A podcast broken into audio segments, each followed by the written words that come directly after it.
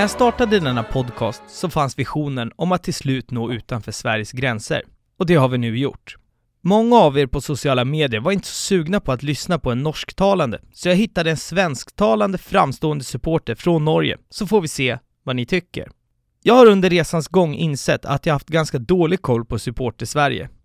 Men nu har jag verkligen ingen aning. Jag har exakt noll koll på norsk fotboll och än mindre koll på norsk supporterkultur. Idag ska vi stämma av vad Norge har att erbjuda supportermässigt och prata brett om norsk supporterkultur. Vi pratar om den tillfälliga flytten till Norge som blev längre än väntat och hur fotbollssuget tog Kristoffer till en ny läktare. Vi pratar om de två olika ståplatserna som till slut blev enade. Vi pratar om hur aktiva supportrar fick styrelseordföranden att avgå. Vi pratar också om hur en av Sampdorias toppgubbar hamnade i Stavanger och med samma sug efter fotbollen som Kristoffer hamnade på Vikings läktare. Nu ska vi se vad norsken har att erbjuda, så att välkommen till Äkta Fans Podcast, Kristoffer.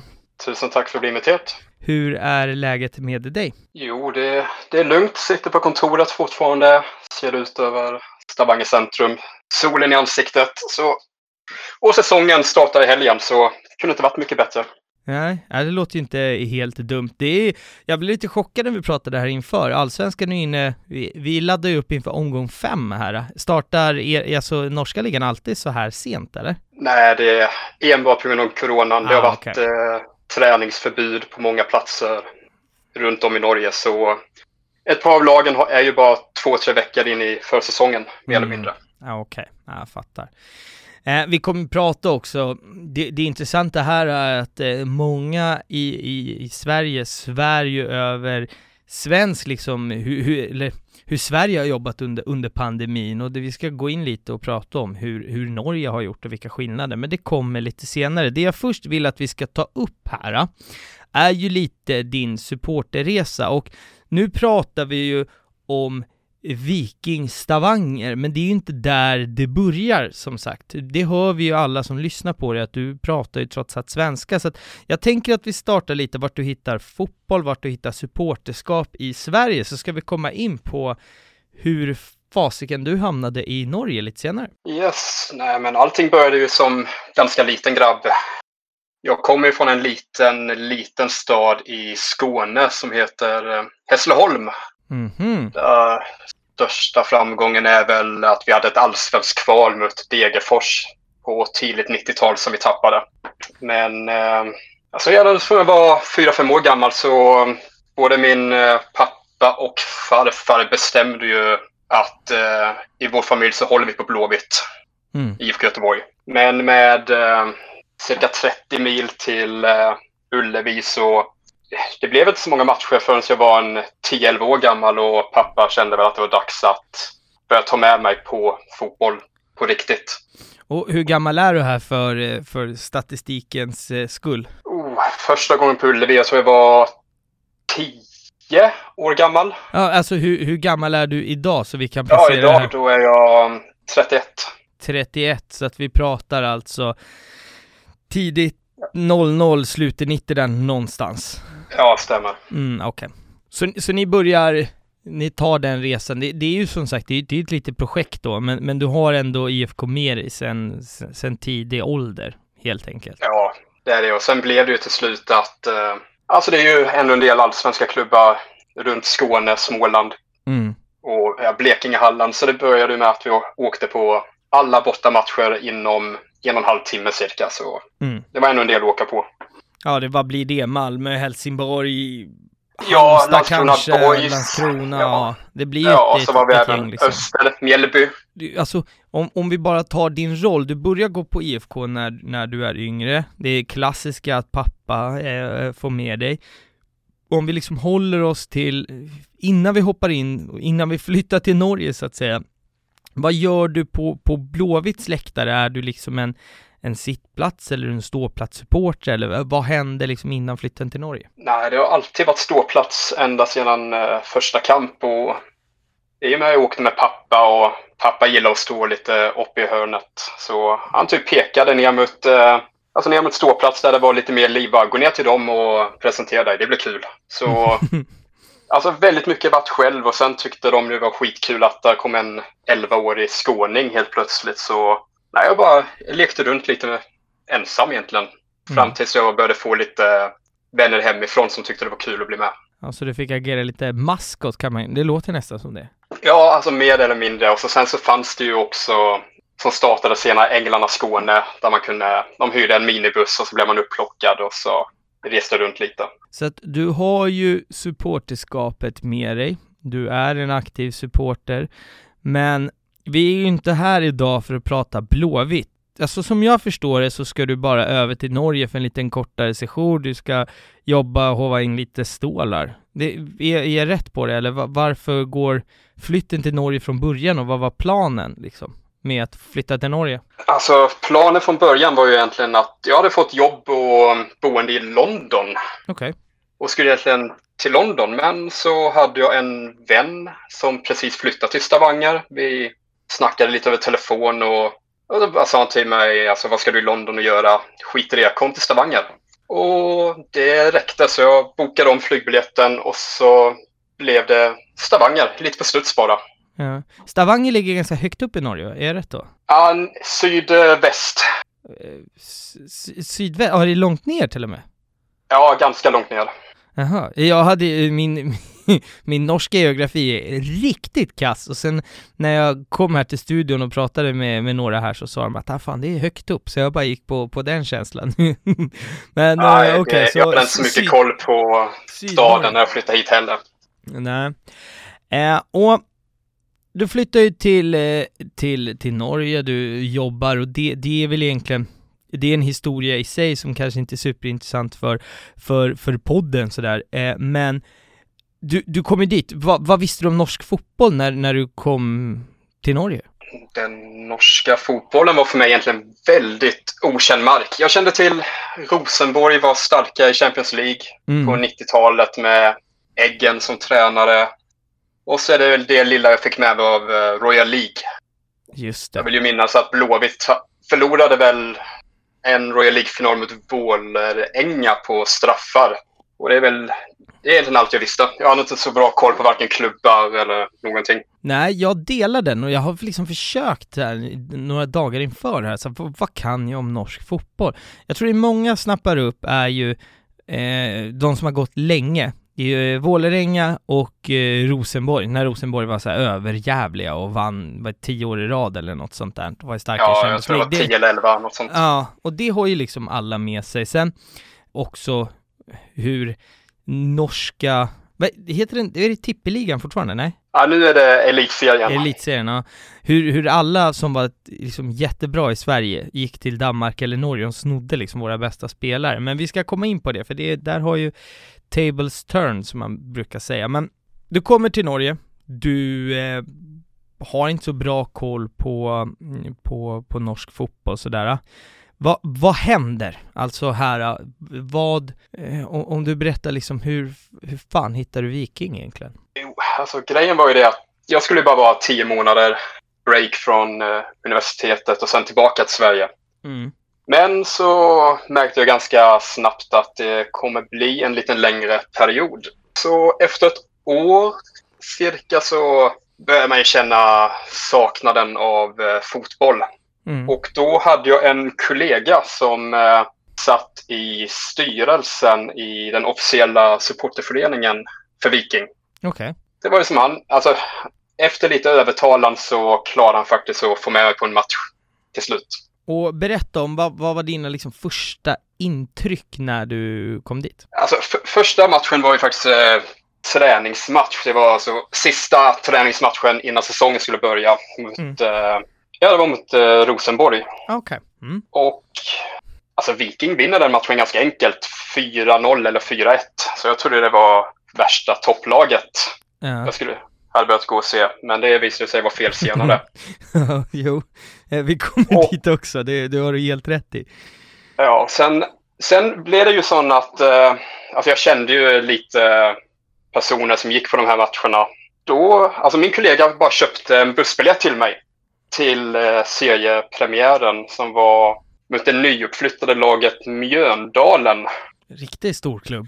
Ah, ja, Mjöndalen är nog en av de värsta hålen jag varit i. Ja, det. Eh, ligger någonstans runt Drammen utanför Oslo en plats. Men eh, liten by, litet lag, fruktansvärt dålig fotboll, 0-0 match.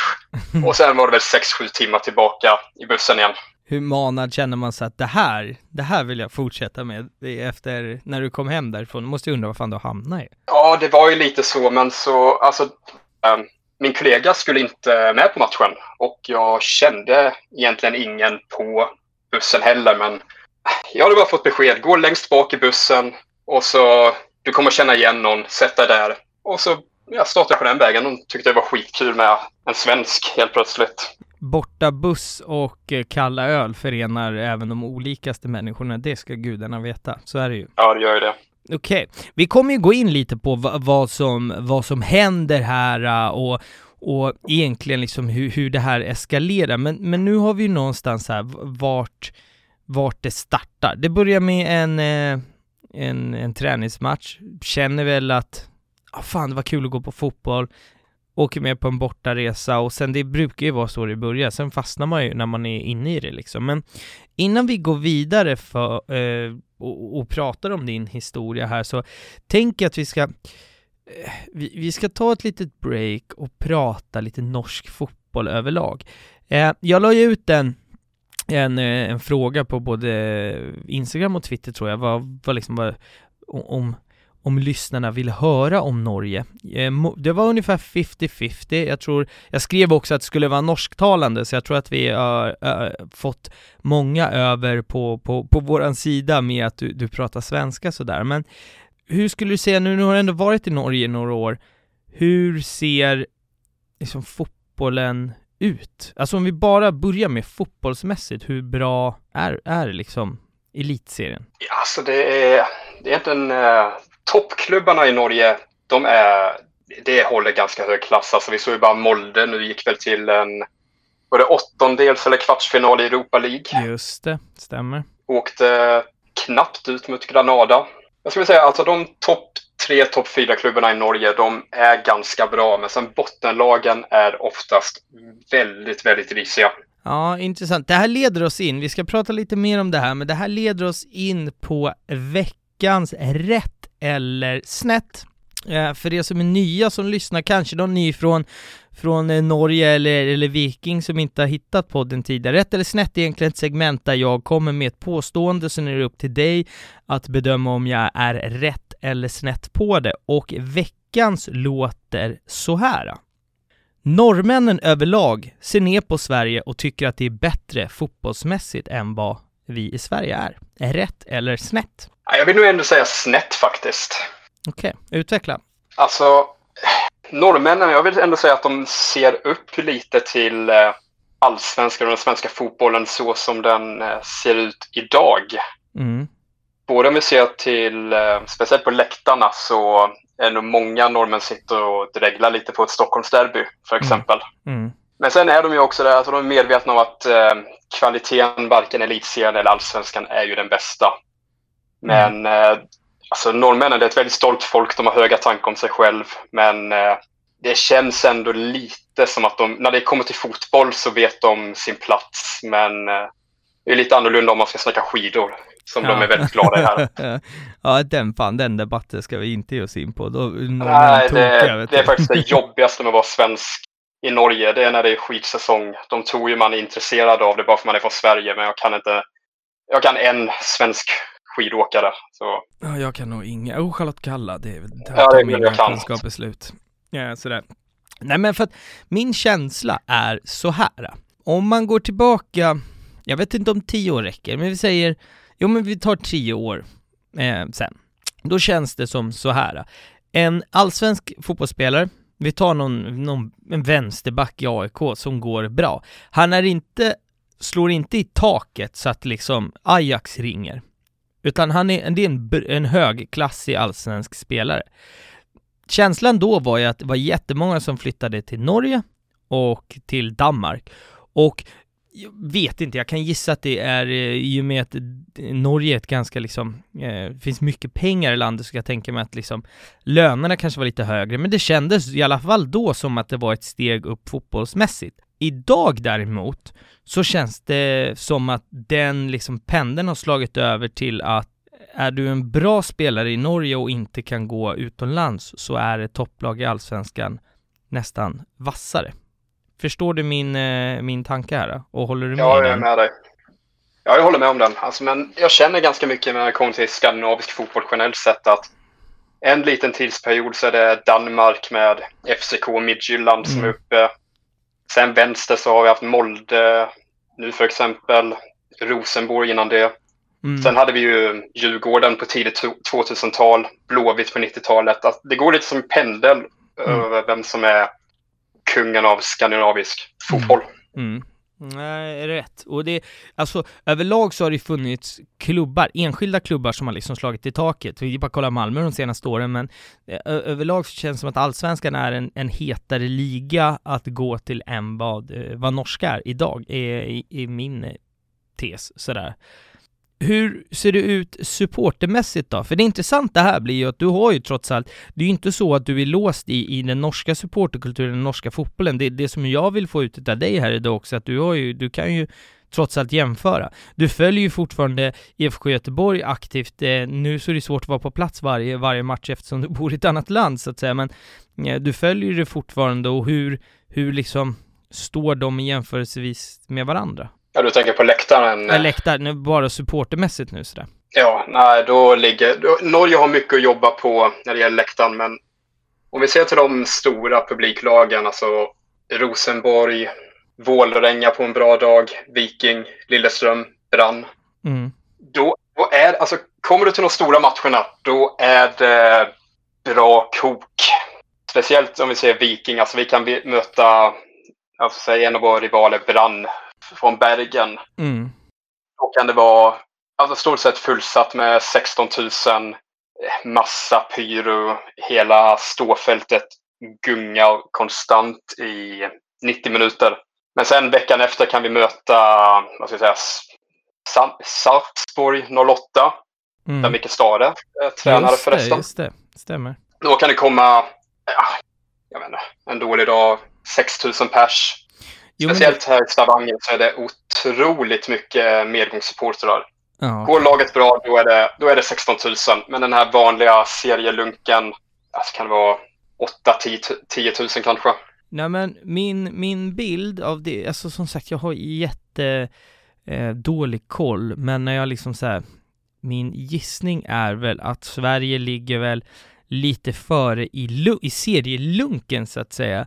Och vi har kanske de högsta topparna är nog högre i Sverige än vad det kanske är i Norge, men att de, de bra matcherna, då är det bra tryck. Men det är, ja. det är färre tillfällen på en säsong i elitserien i Norge än vad det är i allsvenskan där det är liksom en kokande kittel på läktarna. Är, ja, är, är vi, alltså, är vi på samma bana då? Ja, stämmer. Men, och så är problemet också, alltså är det Liverpool-match samma tid då mister, alltså då mister vi 2000 åskådare med en gång. Ja, uh, okej, okay. det är så. Är det mycket englandifiering, anglofilism i, i Norge överlag eller? Ja, jag, jag trodde att det var mycket i Sverige. Jag har ju själv följt med på engelsk fotboll, rest mycket på fotboll i England. Mm. Men här i Norge är det, det är brutalt. Ja, okej. Okay. Och det, det... Alltså, det, alltså det är verkligen, alltså träffar du någon, alltså säger du ut och ta en bärs och du träffar någon och snackar fotboll. Alltså första, det, första frågan är ju verkligen vilka håller du med i England? Okay. Och sen kanske du säger ja, jag följer det och det laget men eh, jag brinner för Viking. Mm. Och då är det vissa som de kan ju skratta åt dig och bara varför går du och ser den skiten? Att du må nästan försvara varför du går och ser på laget i staden. Oh, jag, får, jag får rysningar och kräks i munnen av det här. Nu, ja, nu blir jag inte det, så sugen på att åka till Norge. Det är ett jättestort problem. Ja, jag fattar. Och nej, nu blev jag osugen på att åka till Norge. Eller så ja, vill jag åka dit och ska berätta för de här jävla norrbaggarna hur, hur passion ser ut. För att mm, det har jag nämnt flera gånger att jag tycker engelska Premier League, det är väldigt få klubbar där, där liksom den här supporterpassionen lever på, på sånt sätt som, som jag och eh, du vill att den ska, ska leva sådär. Men okej, okay, en eh, Norge ännu mer jag vet inte hur man böjer anglofil, anglofilistisk, jag vet inte. Men eh, England, fantastiskt i alla fall. Eh, intressant. Vi ska hoppa vidare och prata lite om din resa tillsammans med Viking Stavanger, men innan vi gör det så ska vi göra, jag vet inte om vi ska kalla det ett reklamavbrott, men så här är det. Eh, jag tänker, den här, det här avsnittet är egentligen det är inget samarbete, eller ett samarbete med eh, mig själv skulle man väl kunna säga. Jag brinner jättemycket för att göra den här podcasten, men det tar väldigt, väldigt mycket tid och jag har liksom funderat ganska länge på, på något sätt att finansiera detta. Jag har ESN-studion eh, i ryggen som eh, backar upp mig med ja, teknik, kunskap och med all tid jag lägger ner så vill jag också i långa loppet kunna ta bort lite, lite arbetstid och bara kunna fokusera på podden. Eh, ett första steg i detta blir då Patreon. Patreon är en hemsida där man kan gå in och stötta en kreatör ekonomiskt. Tanken framåt är för mig att ge de som är Patreons eh, tidigare access till eh, avsnitten. Vi kan leka med att jag spelar in, vi spelar in här på en torsdag, att man kanske får tillgång till avsnitten antingen oediterat eh, eller editerat någon eller några dagar innan planerar i framtiden att lägga upp lite extra material och kanske kortare intervjuer om eh, aktuell, aktuella händelser med, med gamla gäster som rör deras klubbar och så vidare och så vidare. Det här kommer utvecklas med eh, tiden. Vill inte att det här ska bli någon sån här eh, liksom, tiggerikampanj, men känner du att du vill stötta mitt arbete så kan du göra det via patreon.com slash äktafanspodcast, eller aktafanspodcast blir det Det kostar ja, 5 euro, cirka 50 spänn i månaden. Känner ni att det är att ni inte vill göra det så är jag oavsett extremt, extremt tacksam för att ni lyssnar. Så där har ni en möjlighet att stötta mig lite extra. Följer älsklingslaget och vi jag tänker att vi ska prata lite om 2017. Eh, då har du eh, gått på, på matcher som jag förstår inte du har varit aktiv och gått på matcher men inte liksom super, super engagerad. Men 2017, här, här börjar det ju hända lite saker. Berätta vad det är som händer 2017.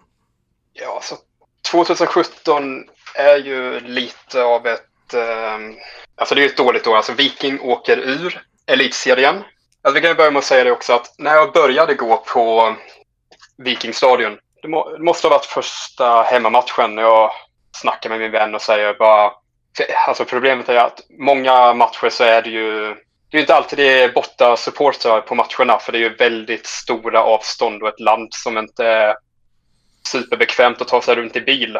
Ja, okay. Så, men jag ser en eh, klick svartklädda killar på andra sidan stadion som håller ganska bra kok.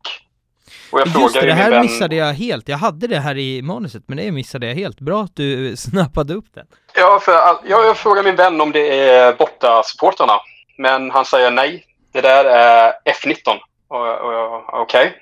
Och det betyder, nej men det är våra ultras slash, eh, ja alltså, och till viss del casual gruppering. Mm. Och där stod ju jag som ett frågetecken. För de stod verkligen på helt motsatt sida på stadion och hade en litet eget ståfält. Mm, Okej. Okay. Vad udda. Ja, men då fick jag sen förklarat eh, efter matchen att eh, x antal år tidigare så hade de stått på samma fält. Men eh, det har varit lite bråk, lite problem diverse skit som jag egentligen inte vet hela historien på för att oavsett vem du snackar med så du får lite olika förklaringar på allting. Ja, jag fattar. Så jag har bara hållit mig lite utanför det. Men det, det, blev, det gick så pass långt att uh, de måste dela fältet. Att officiella supporterföreningen hade ett fält och alternativa gänget ett fält. Om det är någon här nu som sitter och funder, alltså, undrar vad du menar med fält så, så är läktare. Eller? Ja, läktare ja. Du får, du får jättegärna ja. använda fält, det är bara om det är någon som inte hade greppat det så, så vi förtydligar det bara. Fortsätt! Ja, så då kan vi egentligen bara gå tillbaka till um, 2017-säsongen. För Just det. det är egentligen då jag för första gången uh, kommer i kontakt med killarna som står på det andra fältet. Mm. För de hade ju lagt märke till mig. De undrade, för att alltså, jag är ju ingen uh, casual eller kategori C-supporter, men ja, alltså jag, jag gillar mitt Stone Island, CP Company och allt sånt där.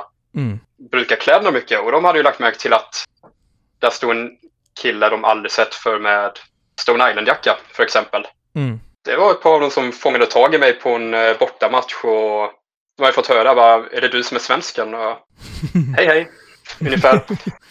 Nej men jag snackade lite med dem och alltså sett till så som jag gillar mitt supporterskap så alltså jag gillar ju hela ultras-miljöet. Mm. Om man säger så. Jag, jag är, vad ska man säga? Tydlig kategori B-supporter, kan man säga så? Jag kategoriserar mig mer som en ultras än en, eh, alltså en officiell supporterklubbsmedlem, om man säger så. Jag fattar. Som sagt, då fick jag höra lite historier från Don och allt efter säsongen gick, alltså i och med laget gick skit. Det var mindre folk på matcherna. Det gjorde detsamma då på ståplats, mindre och mindre folk. Vi har ju nu, nu sett tillbaka på bilder att det kan vara vissa matcher där vi varit, jag vet inte om jag i överkant 35-40 styck mm. på hela ståplats. Och när säsongen väl var över, vi hade åkt ur elitserien, så Alltså, jag och mina vänner, alltså de som jag brukade gå med. Mm. Vi hade ju själv snackat om hur jävla tråkigt det var nu för tiden att gå på fotboll. Det var ingenting vi glädde oss, glädde oss till. Utan vi stod där, sjöng ett och laget personer. går ju som skit här också. Ni åker ju ur också. Så det är ja, alltså, vi, vi åker ur ordentligt. Det är inte spännande om man säger så. Alltså, det är två månader kvar av säsongen så är vi ju i stort sett ute. Ja, fy fan. Det var, alltså, det var, det var inte ens ett hopp. Nej, okej. Okay. Så efter säsongen så gick ni, vi i tankarna.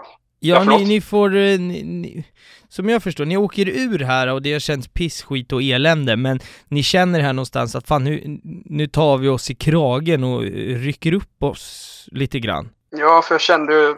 Ja, fortsätt. Jag kände ju bland, bland mina vänner att vi pratade lite om att antingen nästa säsong må vi göra det ordentligt, eller så får vi bara skita i det och ta sitt plats. Mm. Alltså det var ju verkligen där vi stod och vägde lite. Så egentligen del ett var att jag ringde upp en av mina bästa vänner som i tillägg då är Capu. Ja, och det som ska tilläggas här under 2017, bara som ett instick, är att du går även in och tar över trumman här va? Ja, ja, stämmer det. Det, det började också på en eh, bortamatch mot Odd, tror jag det var. Mm. Vi var på tur och nej, det var väl ingen som var direkt sugen så jag har spelat lite trummor alltså musikalt, så mm. som hobby. Mm. Så jag, jag gick egentligen bara in och tog den och efter det så har det varit mer eller mindre fast. Okej. Okay. Men så då har vi alltså egentligen, man ska summera ihop det lite grann, eran, eh, laget går som skit, ni blir färre och färre mm, och ni sitter och har en diskussion. Antingen så skiter vi det här nu och bara går på fotboll och blir underhållna av, av fotbollen och inte egentligen är så jävla mycket supportrar utan vi blir sittplatssupportrar. Eller så gör vi det här på riktigt. Och som jag har fattat det så du som trummis och din polare där som capo eh, tar tag i det hela och eh, startar BB99 va? Ja, stämmer. Alltså, för det var verkligen, vi stod mellan att antingen sitta med popcorn i handen eller stå med en bengal. Det var verkligen de två alternativen vi hade. För att då, ja, för då ville vi verkligen gå all in. Ja. Så vi möts en eh, novemberkväll. Jag bara luftade idén för att det ska tilläggas, den här killen, han är ju en av dem som har varit eh, mest i krig, skulle jag vilja säga, mot de här eh, alternativa. Mm, mm. Och varit nästan mest fientlig. Men jag sa till honom att enda sättet att vi ska kunna få till någon form av levande supporterkultur i den här staden, det var ju att få, få dem att komma tillbaka, bli ett enat fält igen. Mm. Så det började med då att eh, vi startade den här grupperingen, Blå brigad, Blå brigad 99. Mm. Som då är en liten, eh, namnet är lite av en hyllning till eh, de som försvarade, försvarade Stavanger under den nazistiska ockupationen på 40-talet. Ah, Så då hade okej. vi, jag läste någon, jag satt och googlade och läste massa. Så fann jag någon sån historisk artikel om eh, ett eh, sjöfartskompani som var 99 brigaden i Stavanger som Mm. var majoritet folk från Stavanger, regionen, men med befäl av alliansen och Storbritannien. Ja, okej.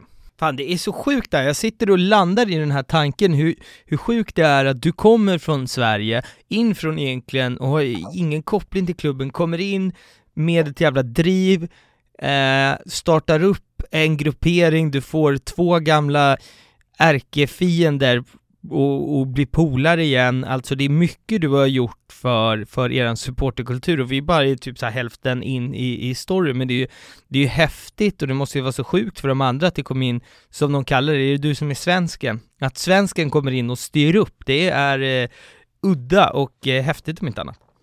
Alltså det är ju en del folk som, alltså vi skrattar nästan lite åt det idag, alltså när vi tänker på det att en, eh, som ni säger, att en jävla svenska ska komma in och få det till. Men, eh, och så är det ju även stor, stor cred till alla de som har lagt all beef bak sig. För det var, det, är- alltså det är mycket skit som har hänt att, men det var ju det att folk hade blivit äldre, alltså fått barn, ser saker och ting på lite nya perspektiv. Så Mm. alltså, vi tog, alltså det blev ju sen att vi tog ett möte med, om vi säger så här, några top boys från den här då, alternativa grupperingen. Ja. Och eh, det var väl lite si där att jag var lite osäkra på om deras grabbar var sugna på det. Men eh, till slut så kom vi bara överens att vi tar en eh, testmatch första för säsongen. Får se hur det går. Mm. Och resten är ju historia. Så det, det har ju bara gått näs, nästan spikrakt uppåt efter det. Och jag tänker så här. Nu, nu har ni allt, ni har insett att det funkar. Det kommer flyga. Ni har ett, eh, en enad läktare med alla aktiva supportrar egentligen som nu, eh, inte kanske under samma flagg, men i samma läktare åtminstone. Ni kliver in i då näst högsta ligan i Norge 2018. Där går ni bra. Ni går som tåget. Eh, ni Ja, har... man vill ju tro det. Eh, ni åker ut 2017, 2018 så ni går upp, ni, ni, ni vänder bara och går direkt upp va? Inte sant? Ja, e- efter mycket om och men så Ja, du har bara skrivit här eh, med, du har skrivit med efter stor dramatik med fem O, så berätta, var kommer den här stora dramatiken ifrån? Berätta om, eh, Ja. om den. Alltså grejen är att andra divisionen i eh, Norge, Obosligan. Ska vi snacka kvalitet i den? Alltså det, majoriteten av lagen är spelare med, eh, alltså, ja, de har ju mer eller mindre heltidsjobb på sidan om. Alltså det är i mån och mycket amatörklubbar. Mm. I tillägg till ett par större lag. Mm. Men eh, alltså vi går in i säsongen med blandade känslor, vill jag väl säga. Jag hade inte speciellt stor tro på direktuppflyttning. Jag tänkte att vi kanske skulle kunna ta det via ett kval eller någonting. Mm. Men eh, det är också under den här säsongen.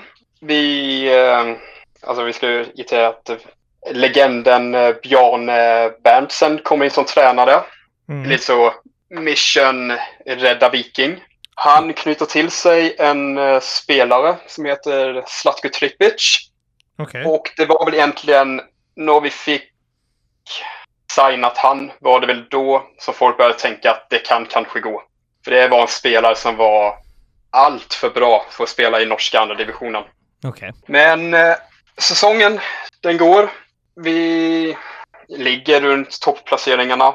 Men sen kommer de in i något det förloras mer match efter match. Alltså, jag gav upp egentligen en gång på hösten. Vi mötte ett lag som heter Tromsdalen. Ligger nästan uppe vid polcirkeln mer eller mindre. Som är ett av de här amatörlagen. Jag tror vi får stryk 4-0, 4-1. Fan.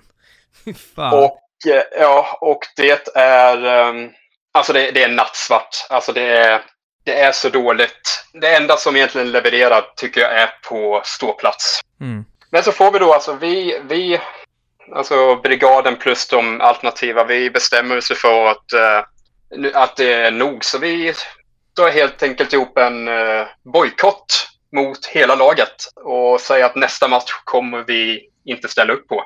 Okay. Och eh, det blev ju mött väldigt, alltså det, alltså det var inte meningen att bli en stor grej utan det var bara, vi kommer inte, alltså för att vi tyckte att vi, vi och staden Stavanger förtjänar bättre än det pisset som de har leverat på planen. Mm, mm. Men detta eskalerade i, det var mediateckning och spelare gick ut och läste öppna brev i tidningarna och mm. bara snälla, snälla kom och Twitter hatade oss. Det blev ett jävla Men, liv kort sagt. Ja, det, det, blev ju mycket mer liv än vad det hade behövt att bli och vad vi trodde det skulle bli. Mm. Men eh, enligt oss så säger vi att det var vad som behövdes. För efter det så var det något som hände i laget och vi förlorade nästan inte en match. Och eh, vi behövde egentligen full pott i stort sett sista matcherna för att gå upp. Och då hade vi bland annat Ålesund och Mjöndalen som låg på ja, topp tre tillsammans med Viking. Mm. Och vi hade det på bortaplan.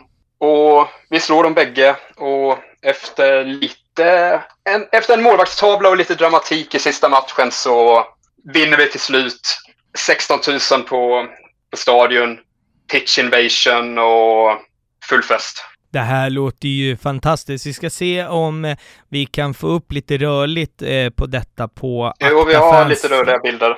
Ja, men det blir grymt. För där ser man, jag är den första ut på planen. Ja, men det ska vi pinpointa definitivt. Akta fans ja, podcast vi... på Instagram och Twitter så, så lägger vi upp lite rörligt på, på det där, eh, där helt enkelt. Ja, för den sista minuten så var det ju verkligen att vi började röra oss ner mot planerna, alltså ner mot planen. Och så mm. kom det ju, alltså, ett par vakter, men det var ju som en kille sa, alltså, bara gå åt sidan, vi kommer bara springa rätt över er. Och mm då gick de därifrån. Ja. Och som du har nämnt lite själv, dels så eh, i och med att ni har den här nystartade grupperingen, alla står på samma, samma ställe, så supportermässigt så, så så gör ni en kraftig höjning, men du skrev någonting här om den här grupperingen, den här, ska vi kalla den kategori C-grupperingen då, som har stått själva från början. Du skrev någonting om att eh, de får sin banderoll snodd eller någonting sånt där. Berätta, vad, vad, vad är det för någonting? Ja, det, det var egentligen det, alltså det riktiga låg... Eh, vad säger man? lågvattenmärke? Ja, på hela säsongen. För det hände på en eh, bortamatch i Bergenregionen. Okay. Och då var det några brandkillar som hade sett att Bannen var där. De åkte ut och det var, alltså det är ju som här, alltså vad ska man säga, alltså många av de här, jag kan inte kalla det stadion, alltså. En vall? Vångaballen, typ. Vångaballen i Trelleborg ser ut som Camp Nou jämfört med det vi ja. var på. Ja, men en idrottsplats kort sagt, mer än en, ja. en arena. Ja, mer eller mindre. Så att mm. de klarade ju faktiskt att få tag i Bannon och eh, de här F19 gjorde ju då som traditionsenligt skall och la ner gruppen på samma dag. När de inte kunde försvara sin egen banderoll eller? Exakt.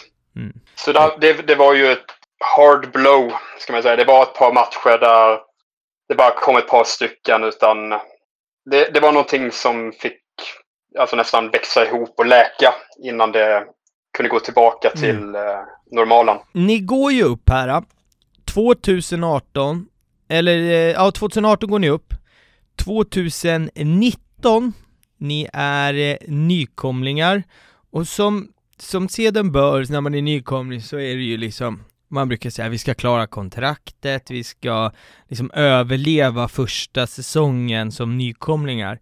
Men eh, det märker ni ju ganska snabbt att att ni kommer att stanna kvar i, i, i ligan, för ni går väldigt, väldigt, väldigt bra. Ni slutar på en femte plats i, um, i elitserien. Jag, jag, har, jag vill säga tippeligan av vana, men elitserien... Ja, det, alltså det, är fortsatt folk i Norge som gör det också, men ah, fattar. det är väldigt viktigt att är elitserien i och med att uh, tippeligan var ju ett uh, köpenamn. Alltså ah, det är som okay. sätt skulle köpa allsvenskan. Okej. Okay. Ja, då, då håller vi oss till elitserien, jag ska tänka på det. eh, men eh, jag tänker så, vi ska ju inte, i den här podden så pratar vi inte så jättemycket om det sportsliga, men jag vill ändå att ni slutar femma i serien, vi kan lämna serien där, men ni har ju norska kuppen också, och där går det fan Ganska Skitbra. stor eh, jämfört med Sverige. Är, är kuppen större i Norge än vad den är i Sverige? Ja, ja, betydligt. Alltså det är kungapokalen, alltså du får kalla dig Norge-mästare om du vinner kuppen. Så nej, det, det, är en väldigt, väldigt big deal, kuppen här i Norge. Ni tar er till en final. Den ska yes. spelas på Ullevål i Oslo. Det är eh, nationalarena. Ja, stämmer. Ni åker typ 10 000 pers från eh, Stavanger. Eh, ja, jag tror till och med det är ett par tusen till. Det kan nog vara alltså, allt mellan 10 och 13 000 som tar sig till huvudstaden över en hel helg. Mm. Det här är egentligen, det, det här är ju en den, den, här matchen hade kunnat gått in under away days, men det är ju, ni spelar ju på neutral plan som jag förstår det här. Ja, så exakt. Då går den inte riktigt eh, in under away days. Jag vill att du berättar lite om, eh, om eh, den här helgen. Matchen är på söndagen. Berätta lördag och söndag, vad händer? Ja, alltså majoriteten kommer ju upp på fredagen för att eh, alltså det är event egentligen hela tiden i stort sett fram till eh, match på söndag. Det, det, är en hel helg med mm. saker som händer. Och eh, min originalplan var ju att ta en dagstur, bara åka upp på söndag morgon och åka hem ja, på söndag kväll efter matchen. Mm. För problemet var att eh, jag hade ju inte tänkt så mycket på att Viking skulle ta sig till eh, cupfinal. Så jag hade ju lovat en på jobbet att, eh, för att hans fru hade födelsedag, så jag hade ju lovat att jag skulle täcka upp på jobbet för han på mm. lördagskvällen. Men, och så, men desto mer det närmade sig, alltså staden började ju bubbla och koka alltså, ett par veckor innan cupfinalen. Så det jag gör är att jag klarar att få fram en person som, ja här är ju kanske fördelen med att vara chef på jobbet. Att eh, jag har lyckats fixa en person som jag skriver mer eller mindre ett ett dagars kontrakt med. som får jobba för mig den lördagen. Ja, det här är vad jag Så... älskar med supporterkultur. Eh, anställer en person för en dag bara för att jag ska få ja. på match, eller alltså du ska ju heller inte ens på match den dagen, det är det som är det roliga. Du anställer ju en person för att kunna supa dagen innan själva matchen, det är också helt fantastiskt. Det hade varit skillnad om du anställde någon på söndagen, det hade jag haft, det hade varit än mer rimligt, men eh, ja, ja. fantastiskt. Berätta om eh, när du kommer till Oslo eh, på, på lördagen där. Jag kommer till Oslo, jag är på jobb tidigt på lördagen sticker väl runt klockan tre till flygplatsen. Mm. Och alltså det är ju bara Viking-supporters över, alltså överallt när du kommer till flygplatsen. Folk som ska ta lördagsflyget. Ja, packningen har jag i jackfickan. Det är en tandkrämstub som nästan är tum och en tandborste. Mm. Det, det, var nog, det var nog för mig. Mm. Och eh, nej, jag kommer in till Oslo med flygtåget. Och då har Viking eh, bokat eh, Spektrum i centrala Oslo som är väl den största, alltså konserthallen, den mm. stora konserthallen i, eh, i staden. Där vi trycker in en 8-9 tusen Viking-supportrar, Stavanger-band, det är gamla legendarer som är där och snackar. Laget är där och alltså det är bara full show, full fest. Eh, alltså vad sjukt det låter med så 9000, alltså bara den siffran när man, det var så länge sedan man var mycket folk på en plats. Jag tänker direkt när du säger ja, 9000 så här, ah, höll ni avstånd? Du vet man blir dum i huvudet när man har varit inne i den här pandemin så jäkla länge. Ja, eh, alltså, vi var ju lite bortskämda. Detta var ju faktiskt sista matchen vi gick på innan coronan slog till, för detta var ah, i okay. december 2019. Ah, okej, okay, okej. Okay. Oh, finalen spelas sådär sent.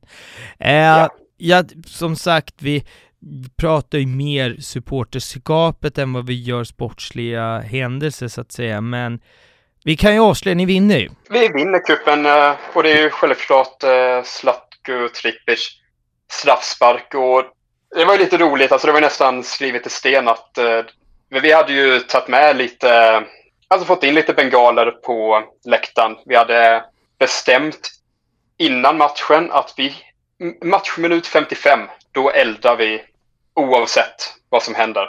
Mm. Matchminut fem, eh, 54-50 får Viking straff. Mm. Mm. Yeah. Alltså, alltså, jag har ju bara den komiska bilden, det är en av mina vänner, han drar upp alla klabb, han vänder sig till alla och bara säger vad fan gör vi nu? Och alla bara vänta, vänta. Han smäller in straffen. Det börjar brinna på fältet och det blir även eh, slutresultatet. Hur, alltså, jag, jag har i, i många avsnitt här så har vi pratat om just den här känslan när man har gått på ett lag väldigt, väldigt länge och få uppleva den här, du vet, den här framgången som man liksom har längtat eh, efter sen man var, ja men ett litet barn i, i ditt fall här så är det ju inte så, det här är ju fortfarande relativt nytt för dig. Det är ju bara, det var liksom fyra år tidigare som du gick på din första match. Hur var känslan att få liksom uppleva, det blir ju första titeln som du upplever här, men hur, hur var dina känslor i och med att det var alltså relativt nytt? Förstår du min fråga? Ja, jag, jag förstår din fråga. Jag har ju tänkt på det, alltså det är en tanke som slår mig ibland att på ett sätt att det inte är riktigt, alltså att det inte är mitt lag på riktigt, men alltså, alltså det var ju det efter slutsignalen jag står och tittar ut över fältet, man ser vuxna män, tårarna rinner. Jag vet inte, det, det, det är svårt att förklara. Mm. Ja, för, förstår För att Viking är ju, alltså det är ju ett storlag men har varit väldigt, väldigt fattiga på titlar. Alltså de som är i min ålder, jag tror senaste titeln var väl, var det 2001?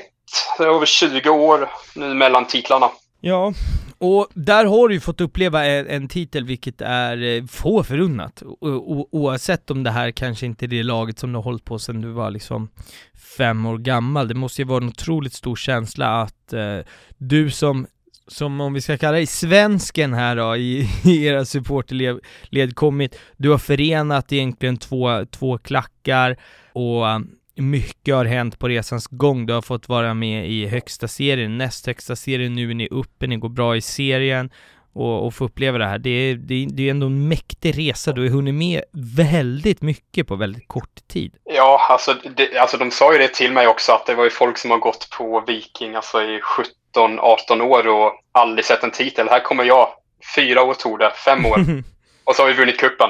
Ja, ja vilken grej. Vilken och så Europa League kvalifikation alltså kvalificering så allt vad det gick i. Så vi såg ju väldigt fram emot Europaturer 2020 som det, det, inte blev speciellt mycket av. Ja, nej för fan. Det var ju också i tillägg, alltså festen. Alla flög ju hem efter matchen. Alltså, det var ju det, vi tog ju över hela Gardermoen, flygplatsen i Oslo. Ja. Alltså barerna och när Haugesund-spelarna går förbi. Alltså de gör ju walk of shame förbi alla. Och alla står och sjunger lillebror, lillebror. De huvudena ner marken. Förutom typ en eller två spelare som räcker fuck you till alla när det går förbi.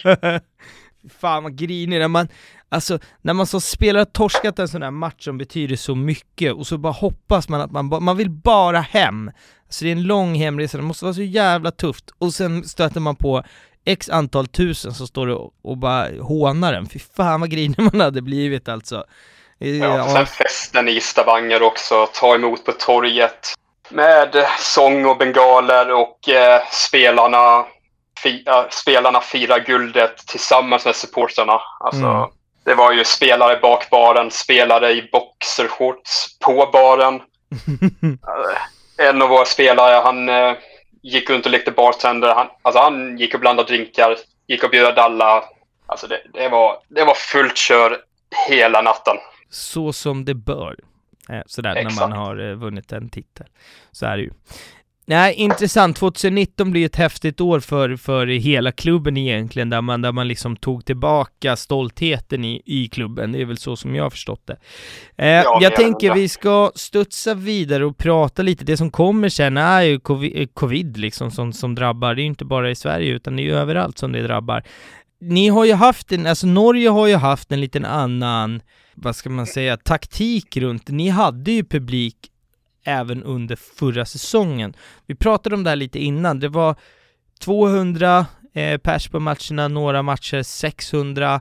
eh, under, under några andra matcher och ni har ju en stor kraftsamling. Ni ska möta Molde. Laget går inte, inte så jäkla bra, eh, men ni kraftsamlar ändå och eh, möter eh, Molde. Vad berätta om den här kraftsamlingen? Ja, så alltså det var ju när vi gick in till eh, hela den här coronasäsongen. Säsongen startade i juni, tidigt juni tror jag. Mm. Tror jag. Och eh, efter ett par omgångar så gick de in med att 200 åskådare. Och eh, vi på ståplats, vi gick väl med den här principen att alla eller ingen. Vi var mm. väl en cirka 350-400 säsongskortsinnehavare. Så om vi inte kunde få in allihopa så tackade vi nej. Mm. Det var istället lotträckning att uh, man fick söka om biljett och så drog de lott. Mm. Men laget går dåligt och uh, alltså, de som jobbar i Viking, spelarna, sittplatssupportrar, alltså de börjar ju... Det började snackas om att uh, Fält O, som vi då går under paraplynamn som, alltså alla grupperingar, hela mm. ståfältet, mm. att de ville ha tillbaka oss. Att vi skulle komma på match och ge, strunta i den här uh, alla eller ingen. Mm. Så det började ju med att det uh, fick ju bli någon sån där intresseanmälan att ska vi, ska vi inte? det kom, till slut kom vi fram till att vi ska. Och då eh, samlar vi, ja vi samlar 200, kanske någon extra, det var väl lite mer än 200 pers. Och vi möter ju då det här hemska laget från eh, Molde. Mm, och Molde är ju då ett lag, de ska egentligen köra över Viking ja. nio matcher av tio. Men eh, den här kraftsamlingen, vi samlar på oss blinkers, vi har en hel del bangers, vi har 80-90 bengaler. Och så, och så var det match.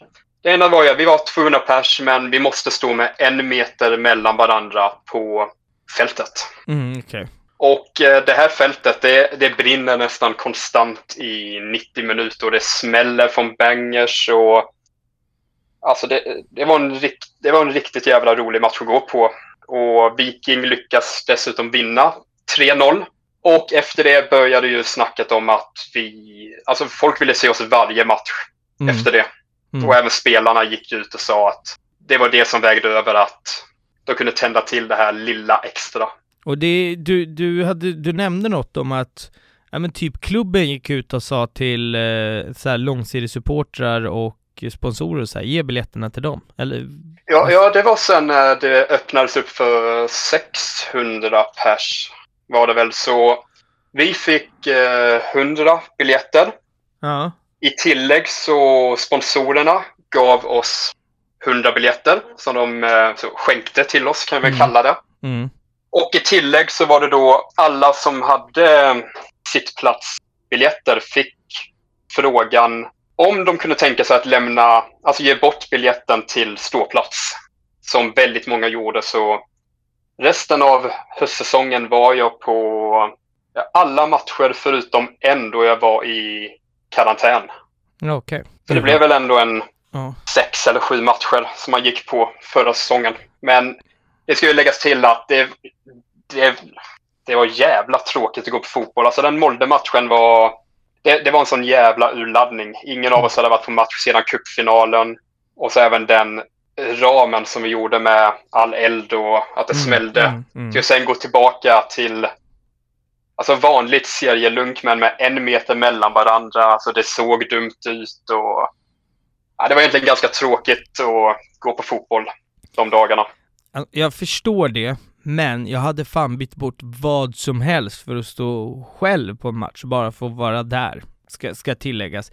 I, eh, i alltså skillnaden i, liksom, till Sverige blir att där var det ingen som fick gå. Nu får, alltså idag så är det åtta pers som får gå. Nu pratar man väl om 500, det är idioti. Åtta personer på Friends, eh, eh Friends Arena som tar 50 000.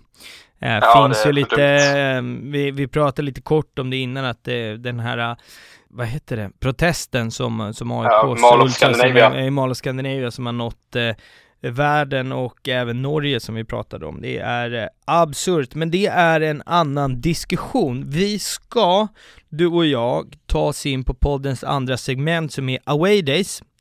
eh, och prata lite minnesvärda bortamatcher, tänker jag. Eh, Mm. Du har nämnt några för mig. Jag tänker att vi var inne och pratade om den här eh, kuppen. det var inte alls så länge sedan.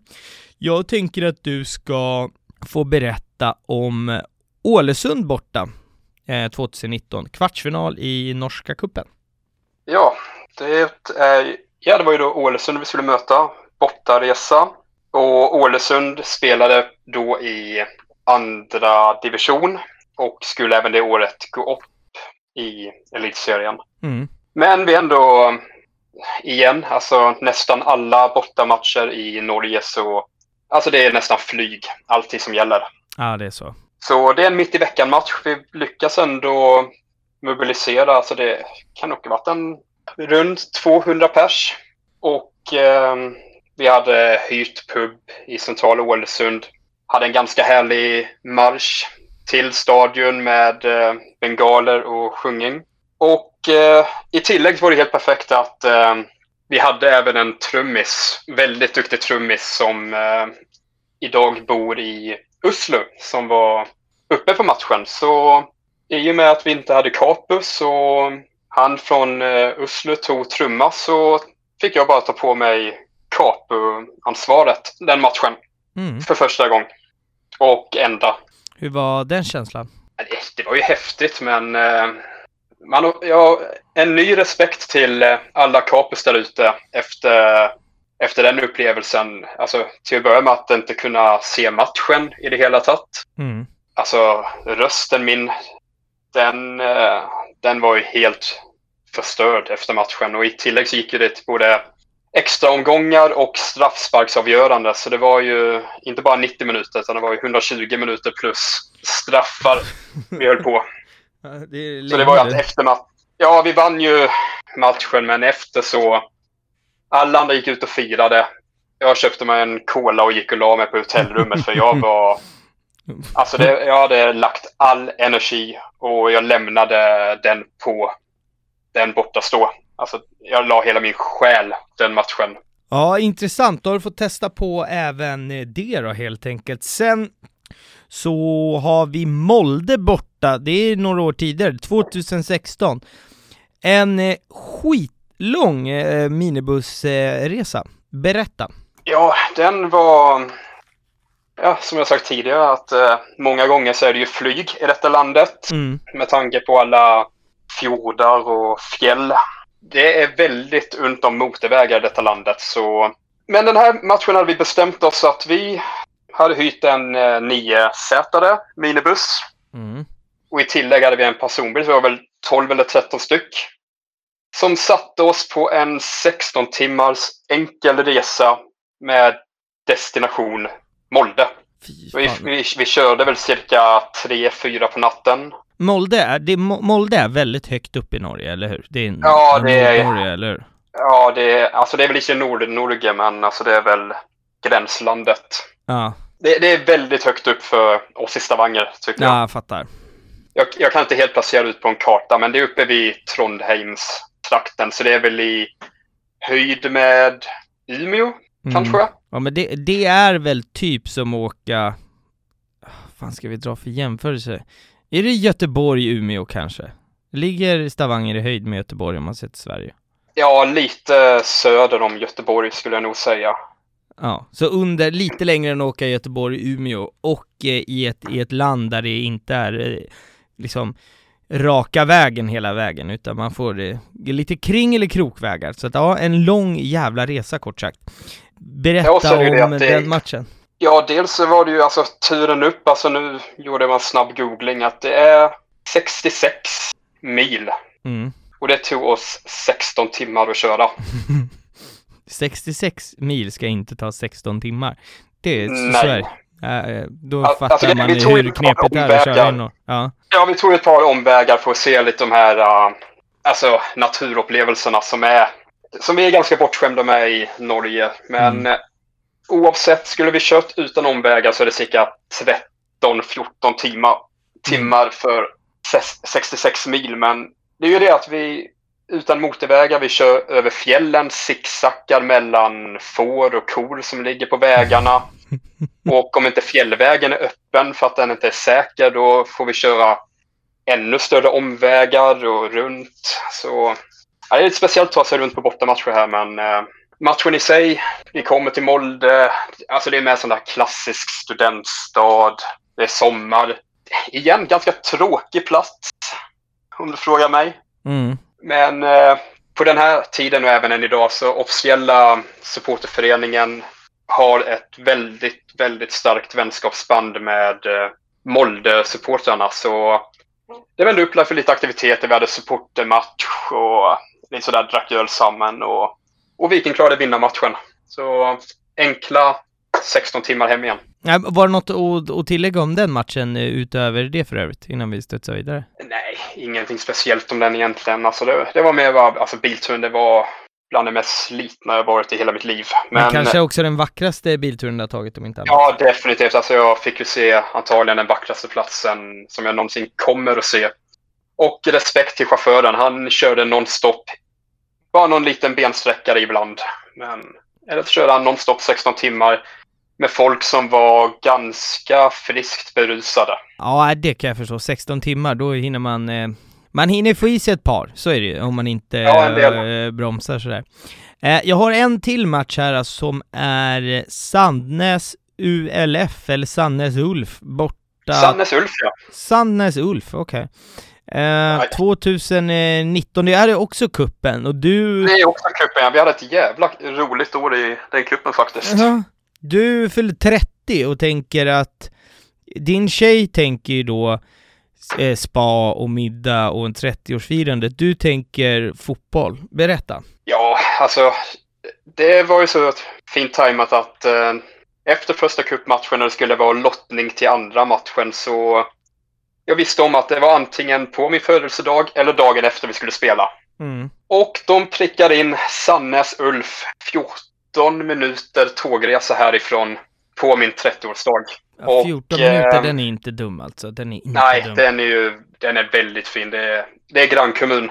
Mm. Så jag sitter i soffan hemma, följer med på lottningen på telefonen och säger till tjejen, för jag visste ju om att hon hade ju planlagt säkert någonting. Och jag berättar att nu vet jag vad vi ska göra på 30-årsdagen. Och vi ska till Sannäs se på fotboll. Och jag tror aldrig jag sett henne mer uppgiven eller argade på mig nästan. Det var... Hon hade ju överraskat mig egentligen med spa och restaurang ute vid havet på stranden, men det fick vi ta raincheck på. Det blev fotboll i Sannäs. Det var bara boka av, för nu jävlar är det bortamatch. Jag har respekt för detta ändå. Ja, men alltså tjejen lärde ju sig tidigt att, alltså när vi började träffas så, hon var ju sån som skulle vara med på allting och Mm. jag sa ju till henne, du kan vara med på fotboll men ta med dig en vän för att jag, jag har inte tid att vara med dig när jag är på match. Ja, jag fattar.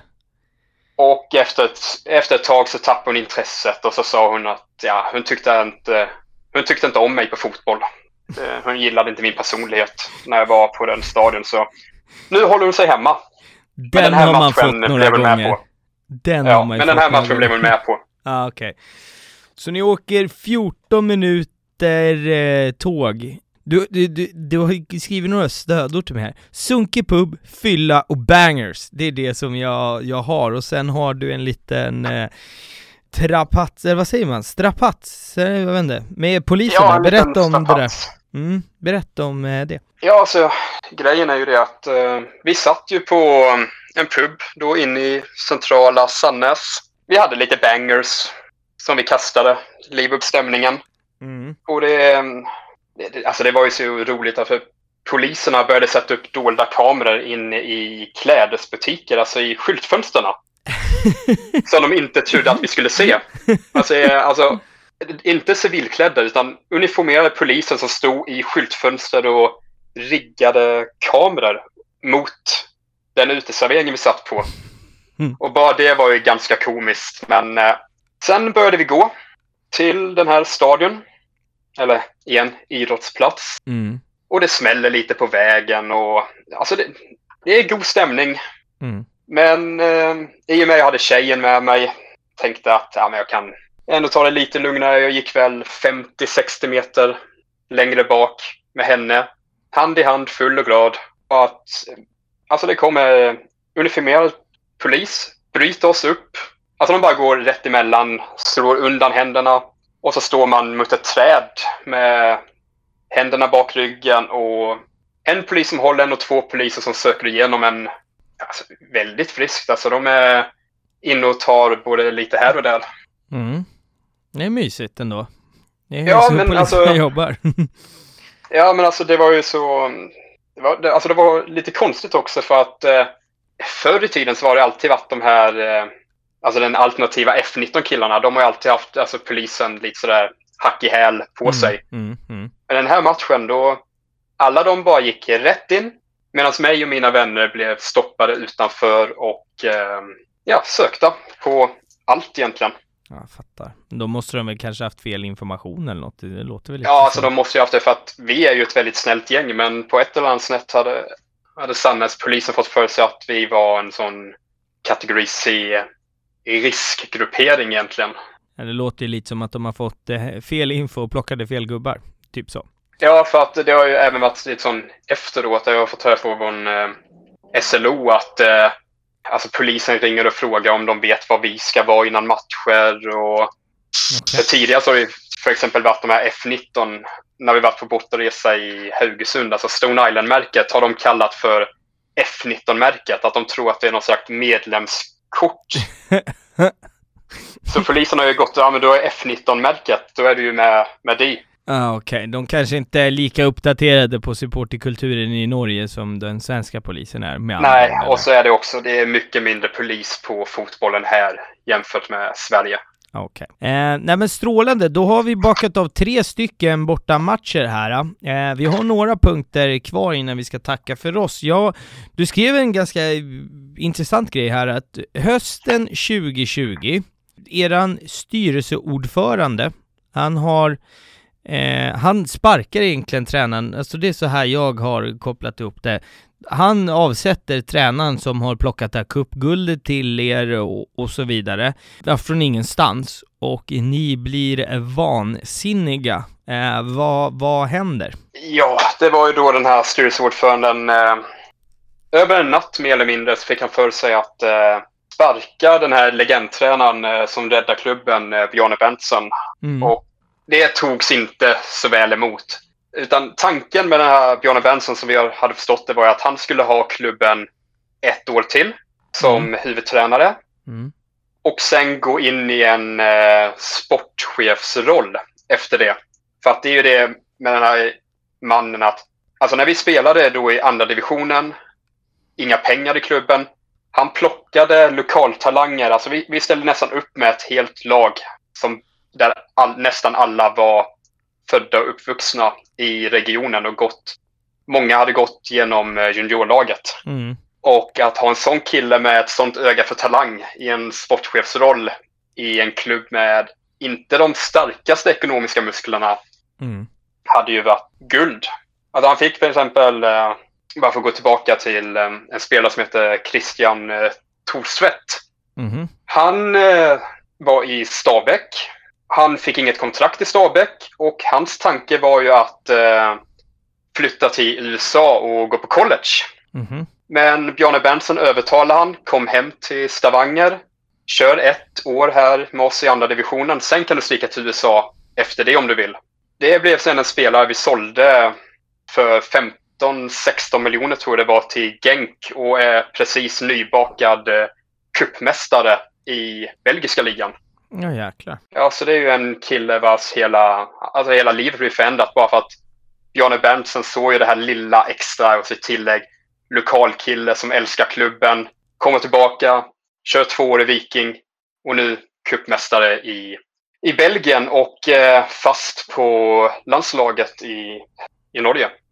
Men det ni gör som jag förstår, det är ju att ni aktiva supportrar efter det här händer. Ni, eh, ja, ni typ avsätter den här styrelseordföranden, Tor Steinar Sandvik. Sandvik.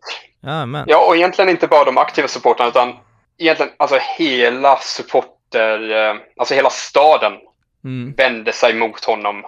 Det var inte så att det var 50-50 utan det var 100% att han ska väck. Mm. Alltså det fanns Alltså det, det fanns ingen annan tanke. Alltså det målades någon banner som lades ut på mittcirkeln på planen på natten och vi hade något, eh, alltså lite som mini-tifo i matchen efter det där vi hade, hade väl en hundra flyttlådor. Alltså där typ Clas Ulfsson flyttlådor där -huh. vi hade skrivit avgå Sandvik som vi sen alltså hade den som alltså flyttlådor som konfetti. Som vi hittade. som man kunde använda till kontoret sitt. Jaha, det är Men, askul. Alltså, det, det här vill det... jag ha bild på också. Det här kan bli en rörligt Ja, det finns uh, rörligt material till det också. Perfekt, då tar vi det efter när vi, eh, när vi är klara här så vill jag ha det också. Ja, för att då var det, alltså han själv insåg ju att han, det, det fanns inte en chans att han skulle kunna fortsätta i klubben. Det, det hade aldrig gått. Mm. Och så, alltså, han avgår och i tillägg kom ju nu resultatet av det att eh, vi var ju klara att det säkert kunde bli något skit som kom, men att det var ju brott mot sån där arbetsmiljölag. Mm -hmm. att, eh, så nu kom ju domen att eh, det blev bara ynkliga 20 000 i böter till Viking, men alltså, vi hade ju förväntat oss att det kunde bli poängavdrag och allt möjligt. Yeah. Med all rätt. Mm. Och så i tillägg så har vi även missat vad som kunde ha blivit en fantastisk sportchef. Men det finns ingen möjlighet att han kan eh, eh komma tillbaka då? Nej, det mm. finns det inte. Han har redan sagt det att eh, för nu, alltså när han kom till klubben där i Obos, mm. då var det ju att eh, det var andra gången han kom tillbaka som tränare och då skulle alltså rädda klubben. Men det var mm. som han sa, nästa gång så behöver ni inte ringa mig. Han är klar. Okay. Nej, gud vad tråkigt. Men jag hoppas fortfarande att när läktarna blir som normalt, för nu fick han ju han fick ett avtackande, men det var inför 600 pers. Mm. jag hoppas verkligen att han kommer tillbaka när vi kan fylla stadion till max och så han får den hyllningen som han verkligen förtjänar. Ja, intressant. Det är supporternas makt ska man, eh, ska man aldrig eh, förbise. Den är otroligt stark och det är ju någonstans supporterna som är klubben och det bevisas ju om inte annat här. Jag har haft en, en helt annan grej som jag varit sjukt in, in, alltså, intresserad av när du skrev. Ni har ju någon Sampdoria toppgubbe som är, är med hos er. Jag, eh, jag, du skrev lite grann och vi, vi pratade lite om det, men berätta om den här herren som har, alltså som jag fattar en typ Ultras i Sampdoria men bott i Stockholm och nu i Stavanger. Vad, vad är detta? Ja, alltså detta är ju han har ju fått, fortsatt inte varit på någon match ännu, för han kom ju till Stavanger alltså under 2020, ah, okay. tidigt i coronaåret. Men det är två vänner till mig. De var i Genua, skulle se Sampdoria. Och den ena av de här vännerna, han har ju italiensk, alltså han kommer från en italiensk familj så han snackar okay. ju språket och allting. Men eh, för att göra en eh, längre historia lite kortare så den här killen eh, som då är skarptrummis och en av topboysen i Fedelissimi i Sampdoria. Han eh, jobbar som bagare. En av de här killarna från Norge, om jag minns rätt, eh, jobbar för Coop och då hade något jobbat typ med brödtillverkning eller brödbakning. Mm -hmm. Så på ett eller annat sätt så fixade han jobb till den här killen och han ringde och sa men fan, jag kommer. Jaha. så helt plötsligt så fick jag höra att vi skulle träffas i sommar och ta någon öl och lite sånt där. Så jag var färdig på jobb och gick ner och mötte grabbarna och de var så... Åh ja, sa de då hans namn och nu kommer det äntligen någon som pratar svenska. För den här italienaren, han, han förstår ju inte ett ord norska. Okay. Men han snackar flytande svenska. Jaha. för att han ska ha bott, han har bott i Stockholm fem år på 90-talet. Och då även varit involverad lite i Djurgårdsmiljöet. Okej. Okay. Och det kommer han ihåg. Så han snackar flytande svenska så vi kom ju överens med en gång. Och det, tanken är väl att eh, han kommer bli som en liten läromästare i framtiden. För tanken är väl att han ska komma och trumma lite och köra på ordentligt. Okay. Hoppas jag. Ja men vad, det är väl eh, utbyta av erfarenheter är väl, är väl guld värt. Vilken, eh, jag, jag bara kände att det här var en sån här, en, en sidostory som, som kändes helt eh, guld värd att få, få lyssna ja, på.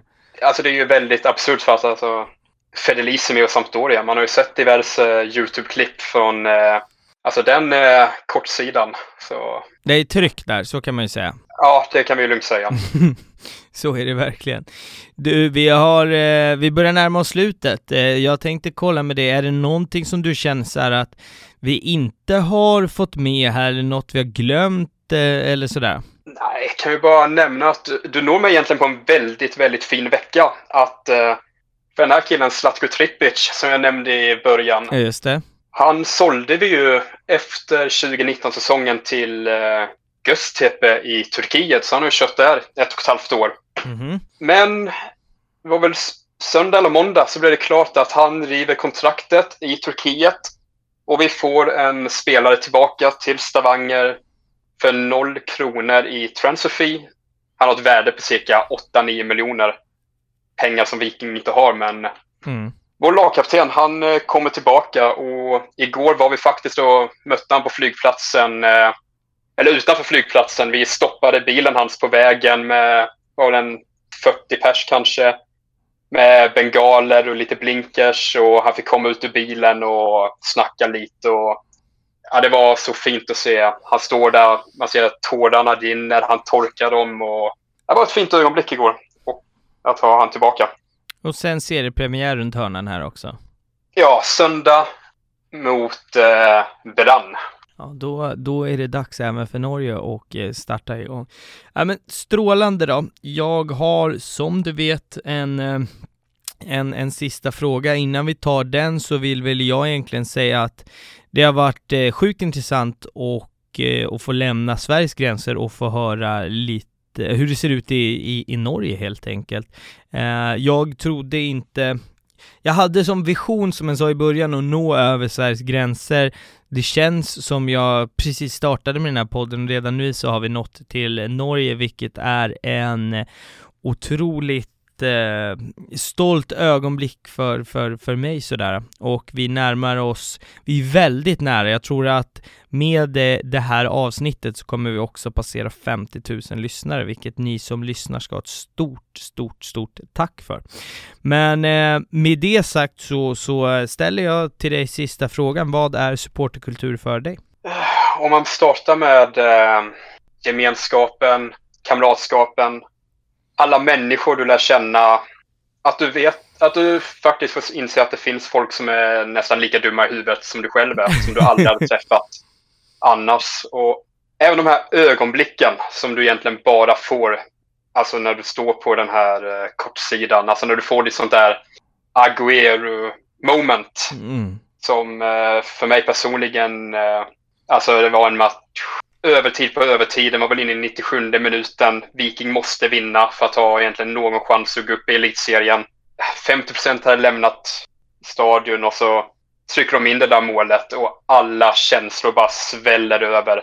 Du kramas med allt och alla och Alltså eh, speciellt de här ögonblicken som jag tror inte det går att finna någon annan plats. Jag, jag håller återigen med, det gör jag varje vecka. Det är alltid kloka ord från, eh, från gästerna.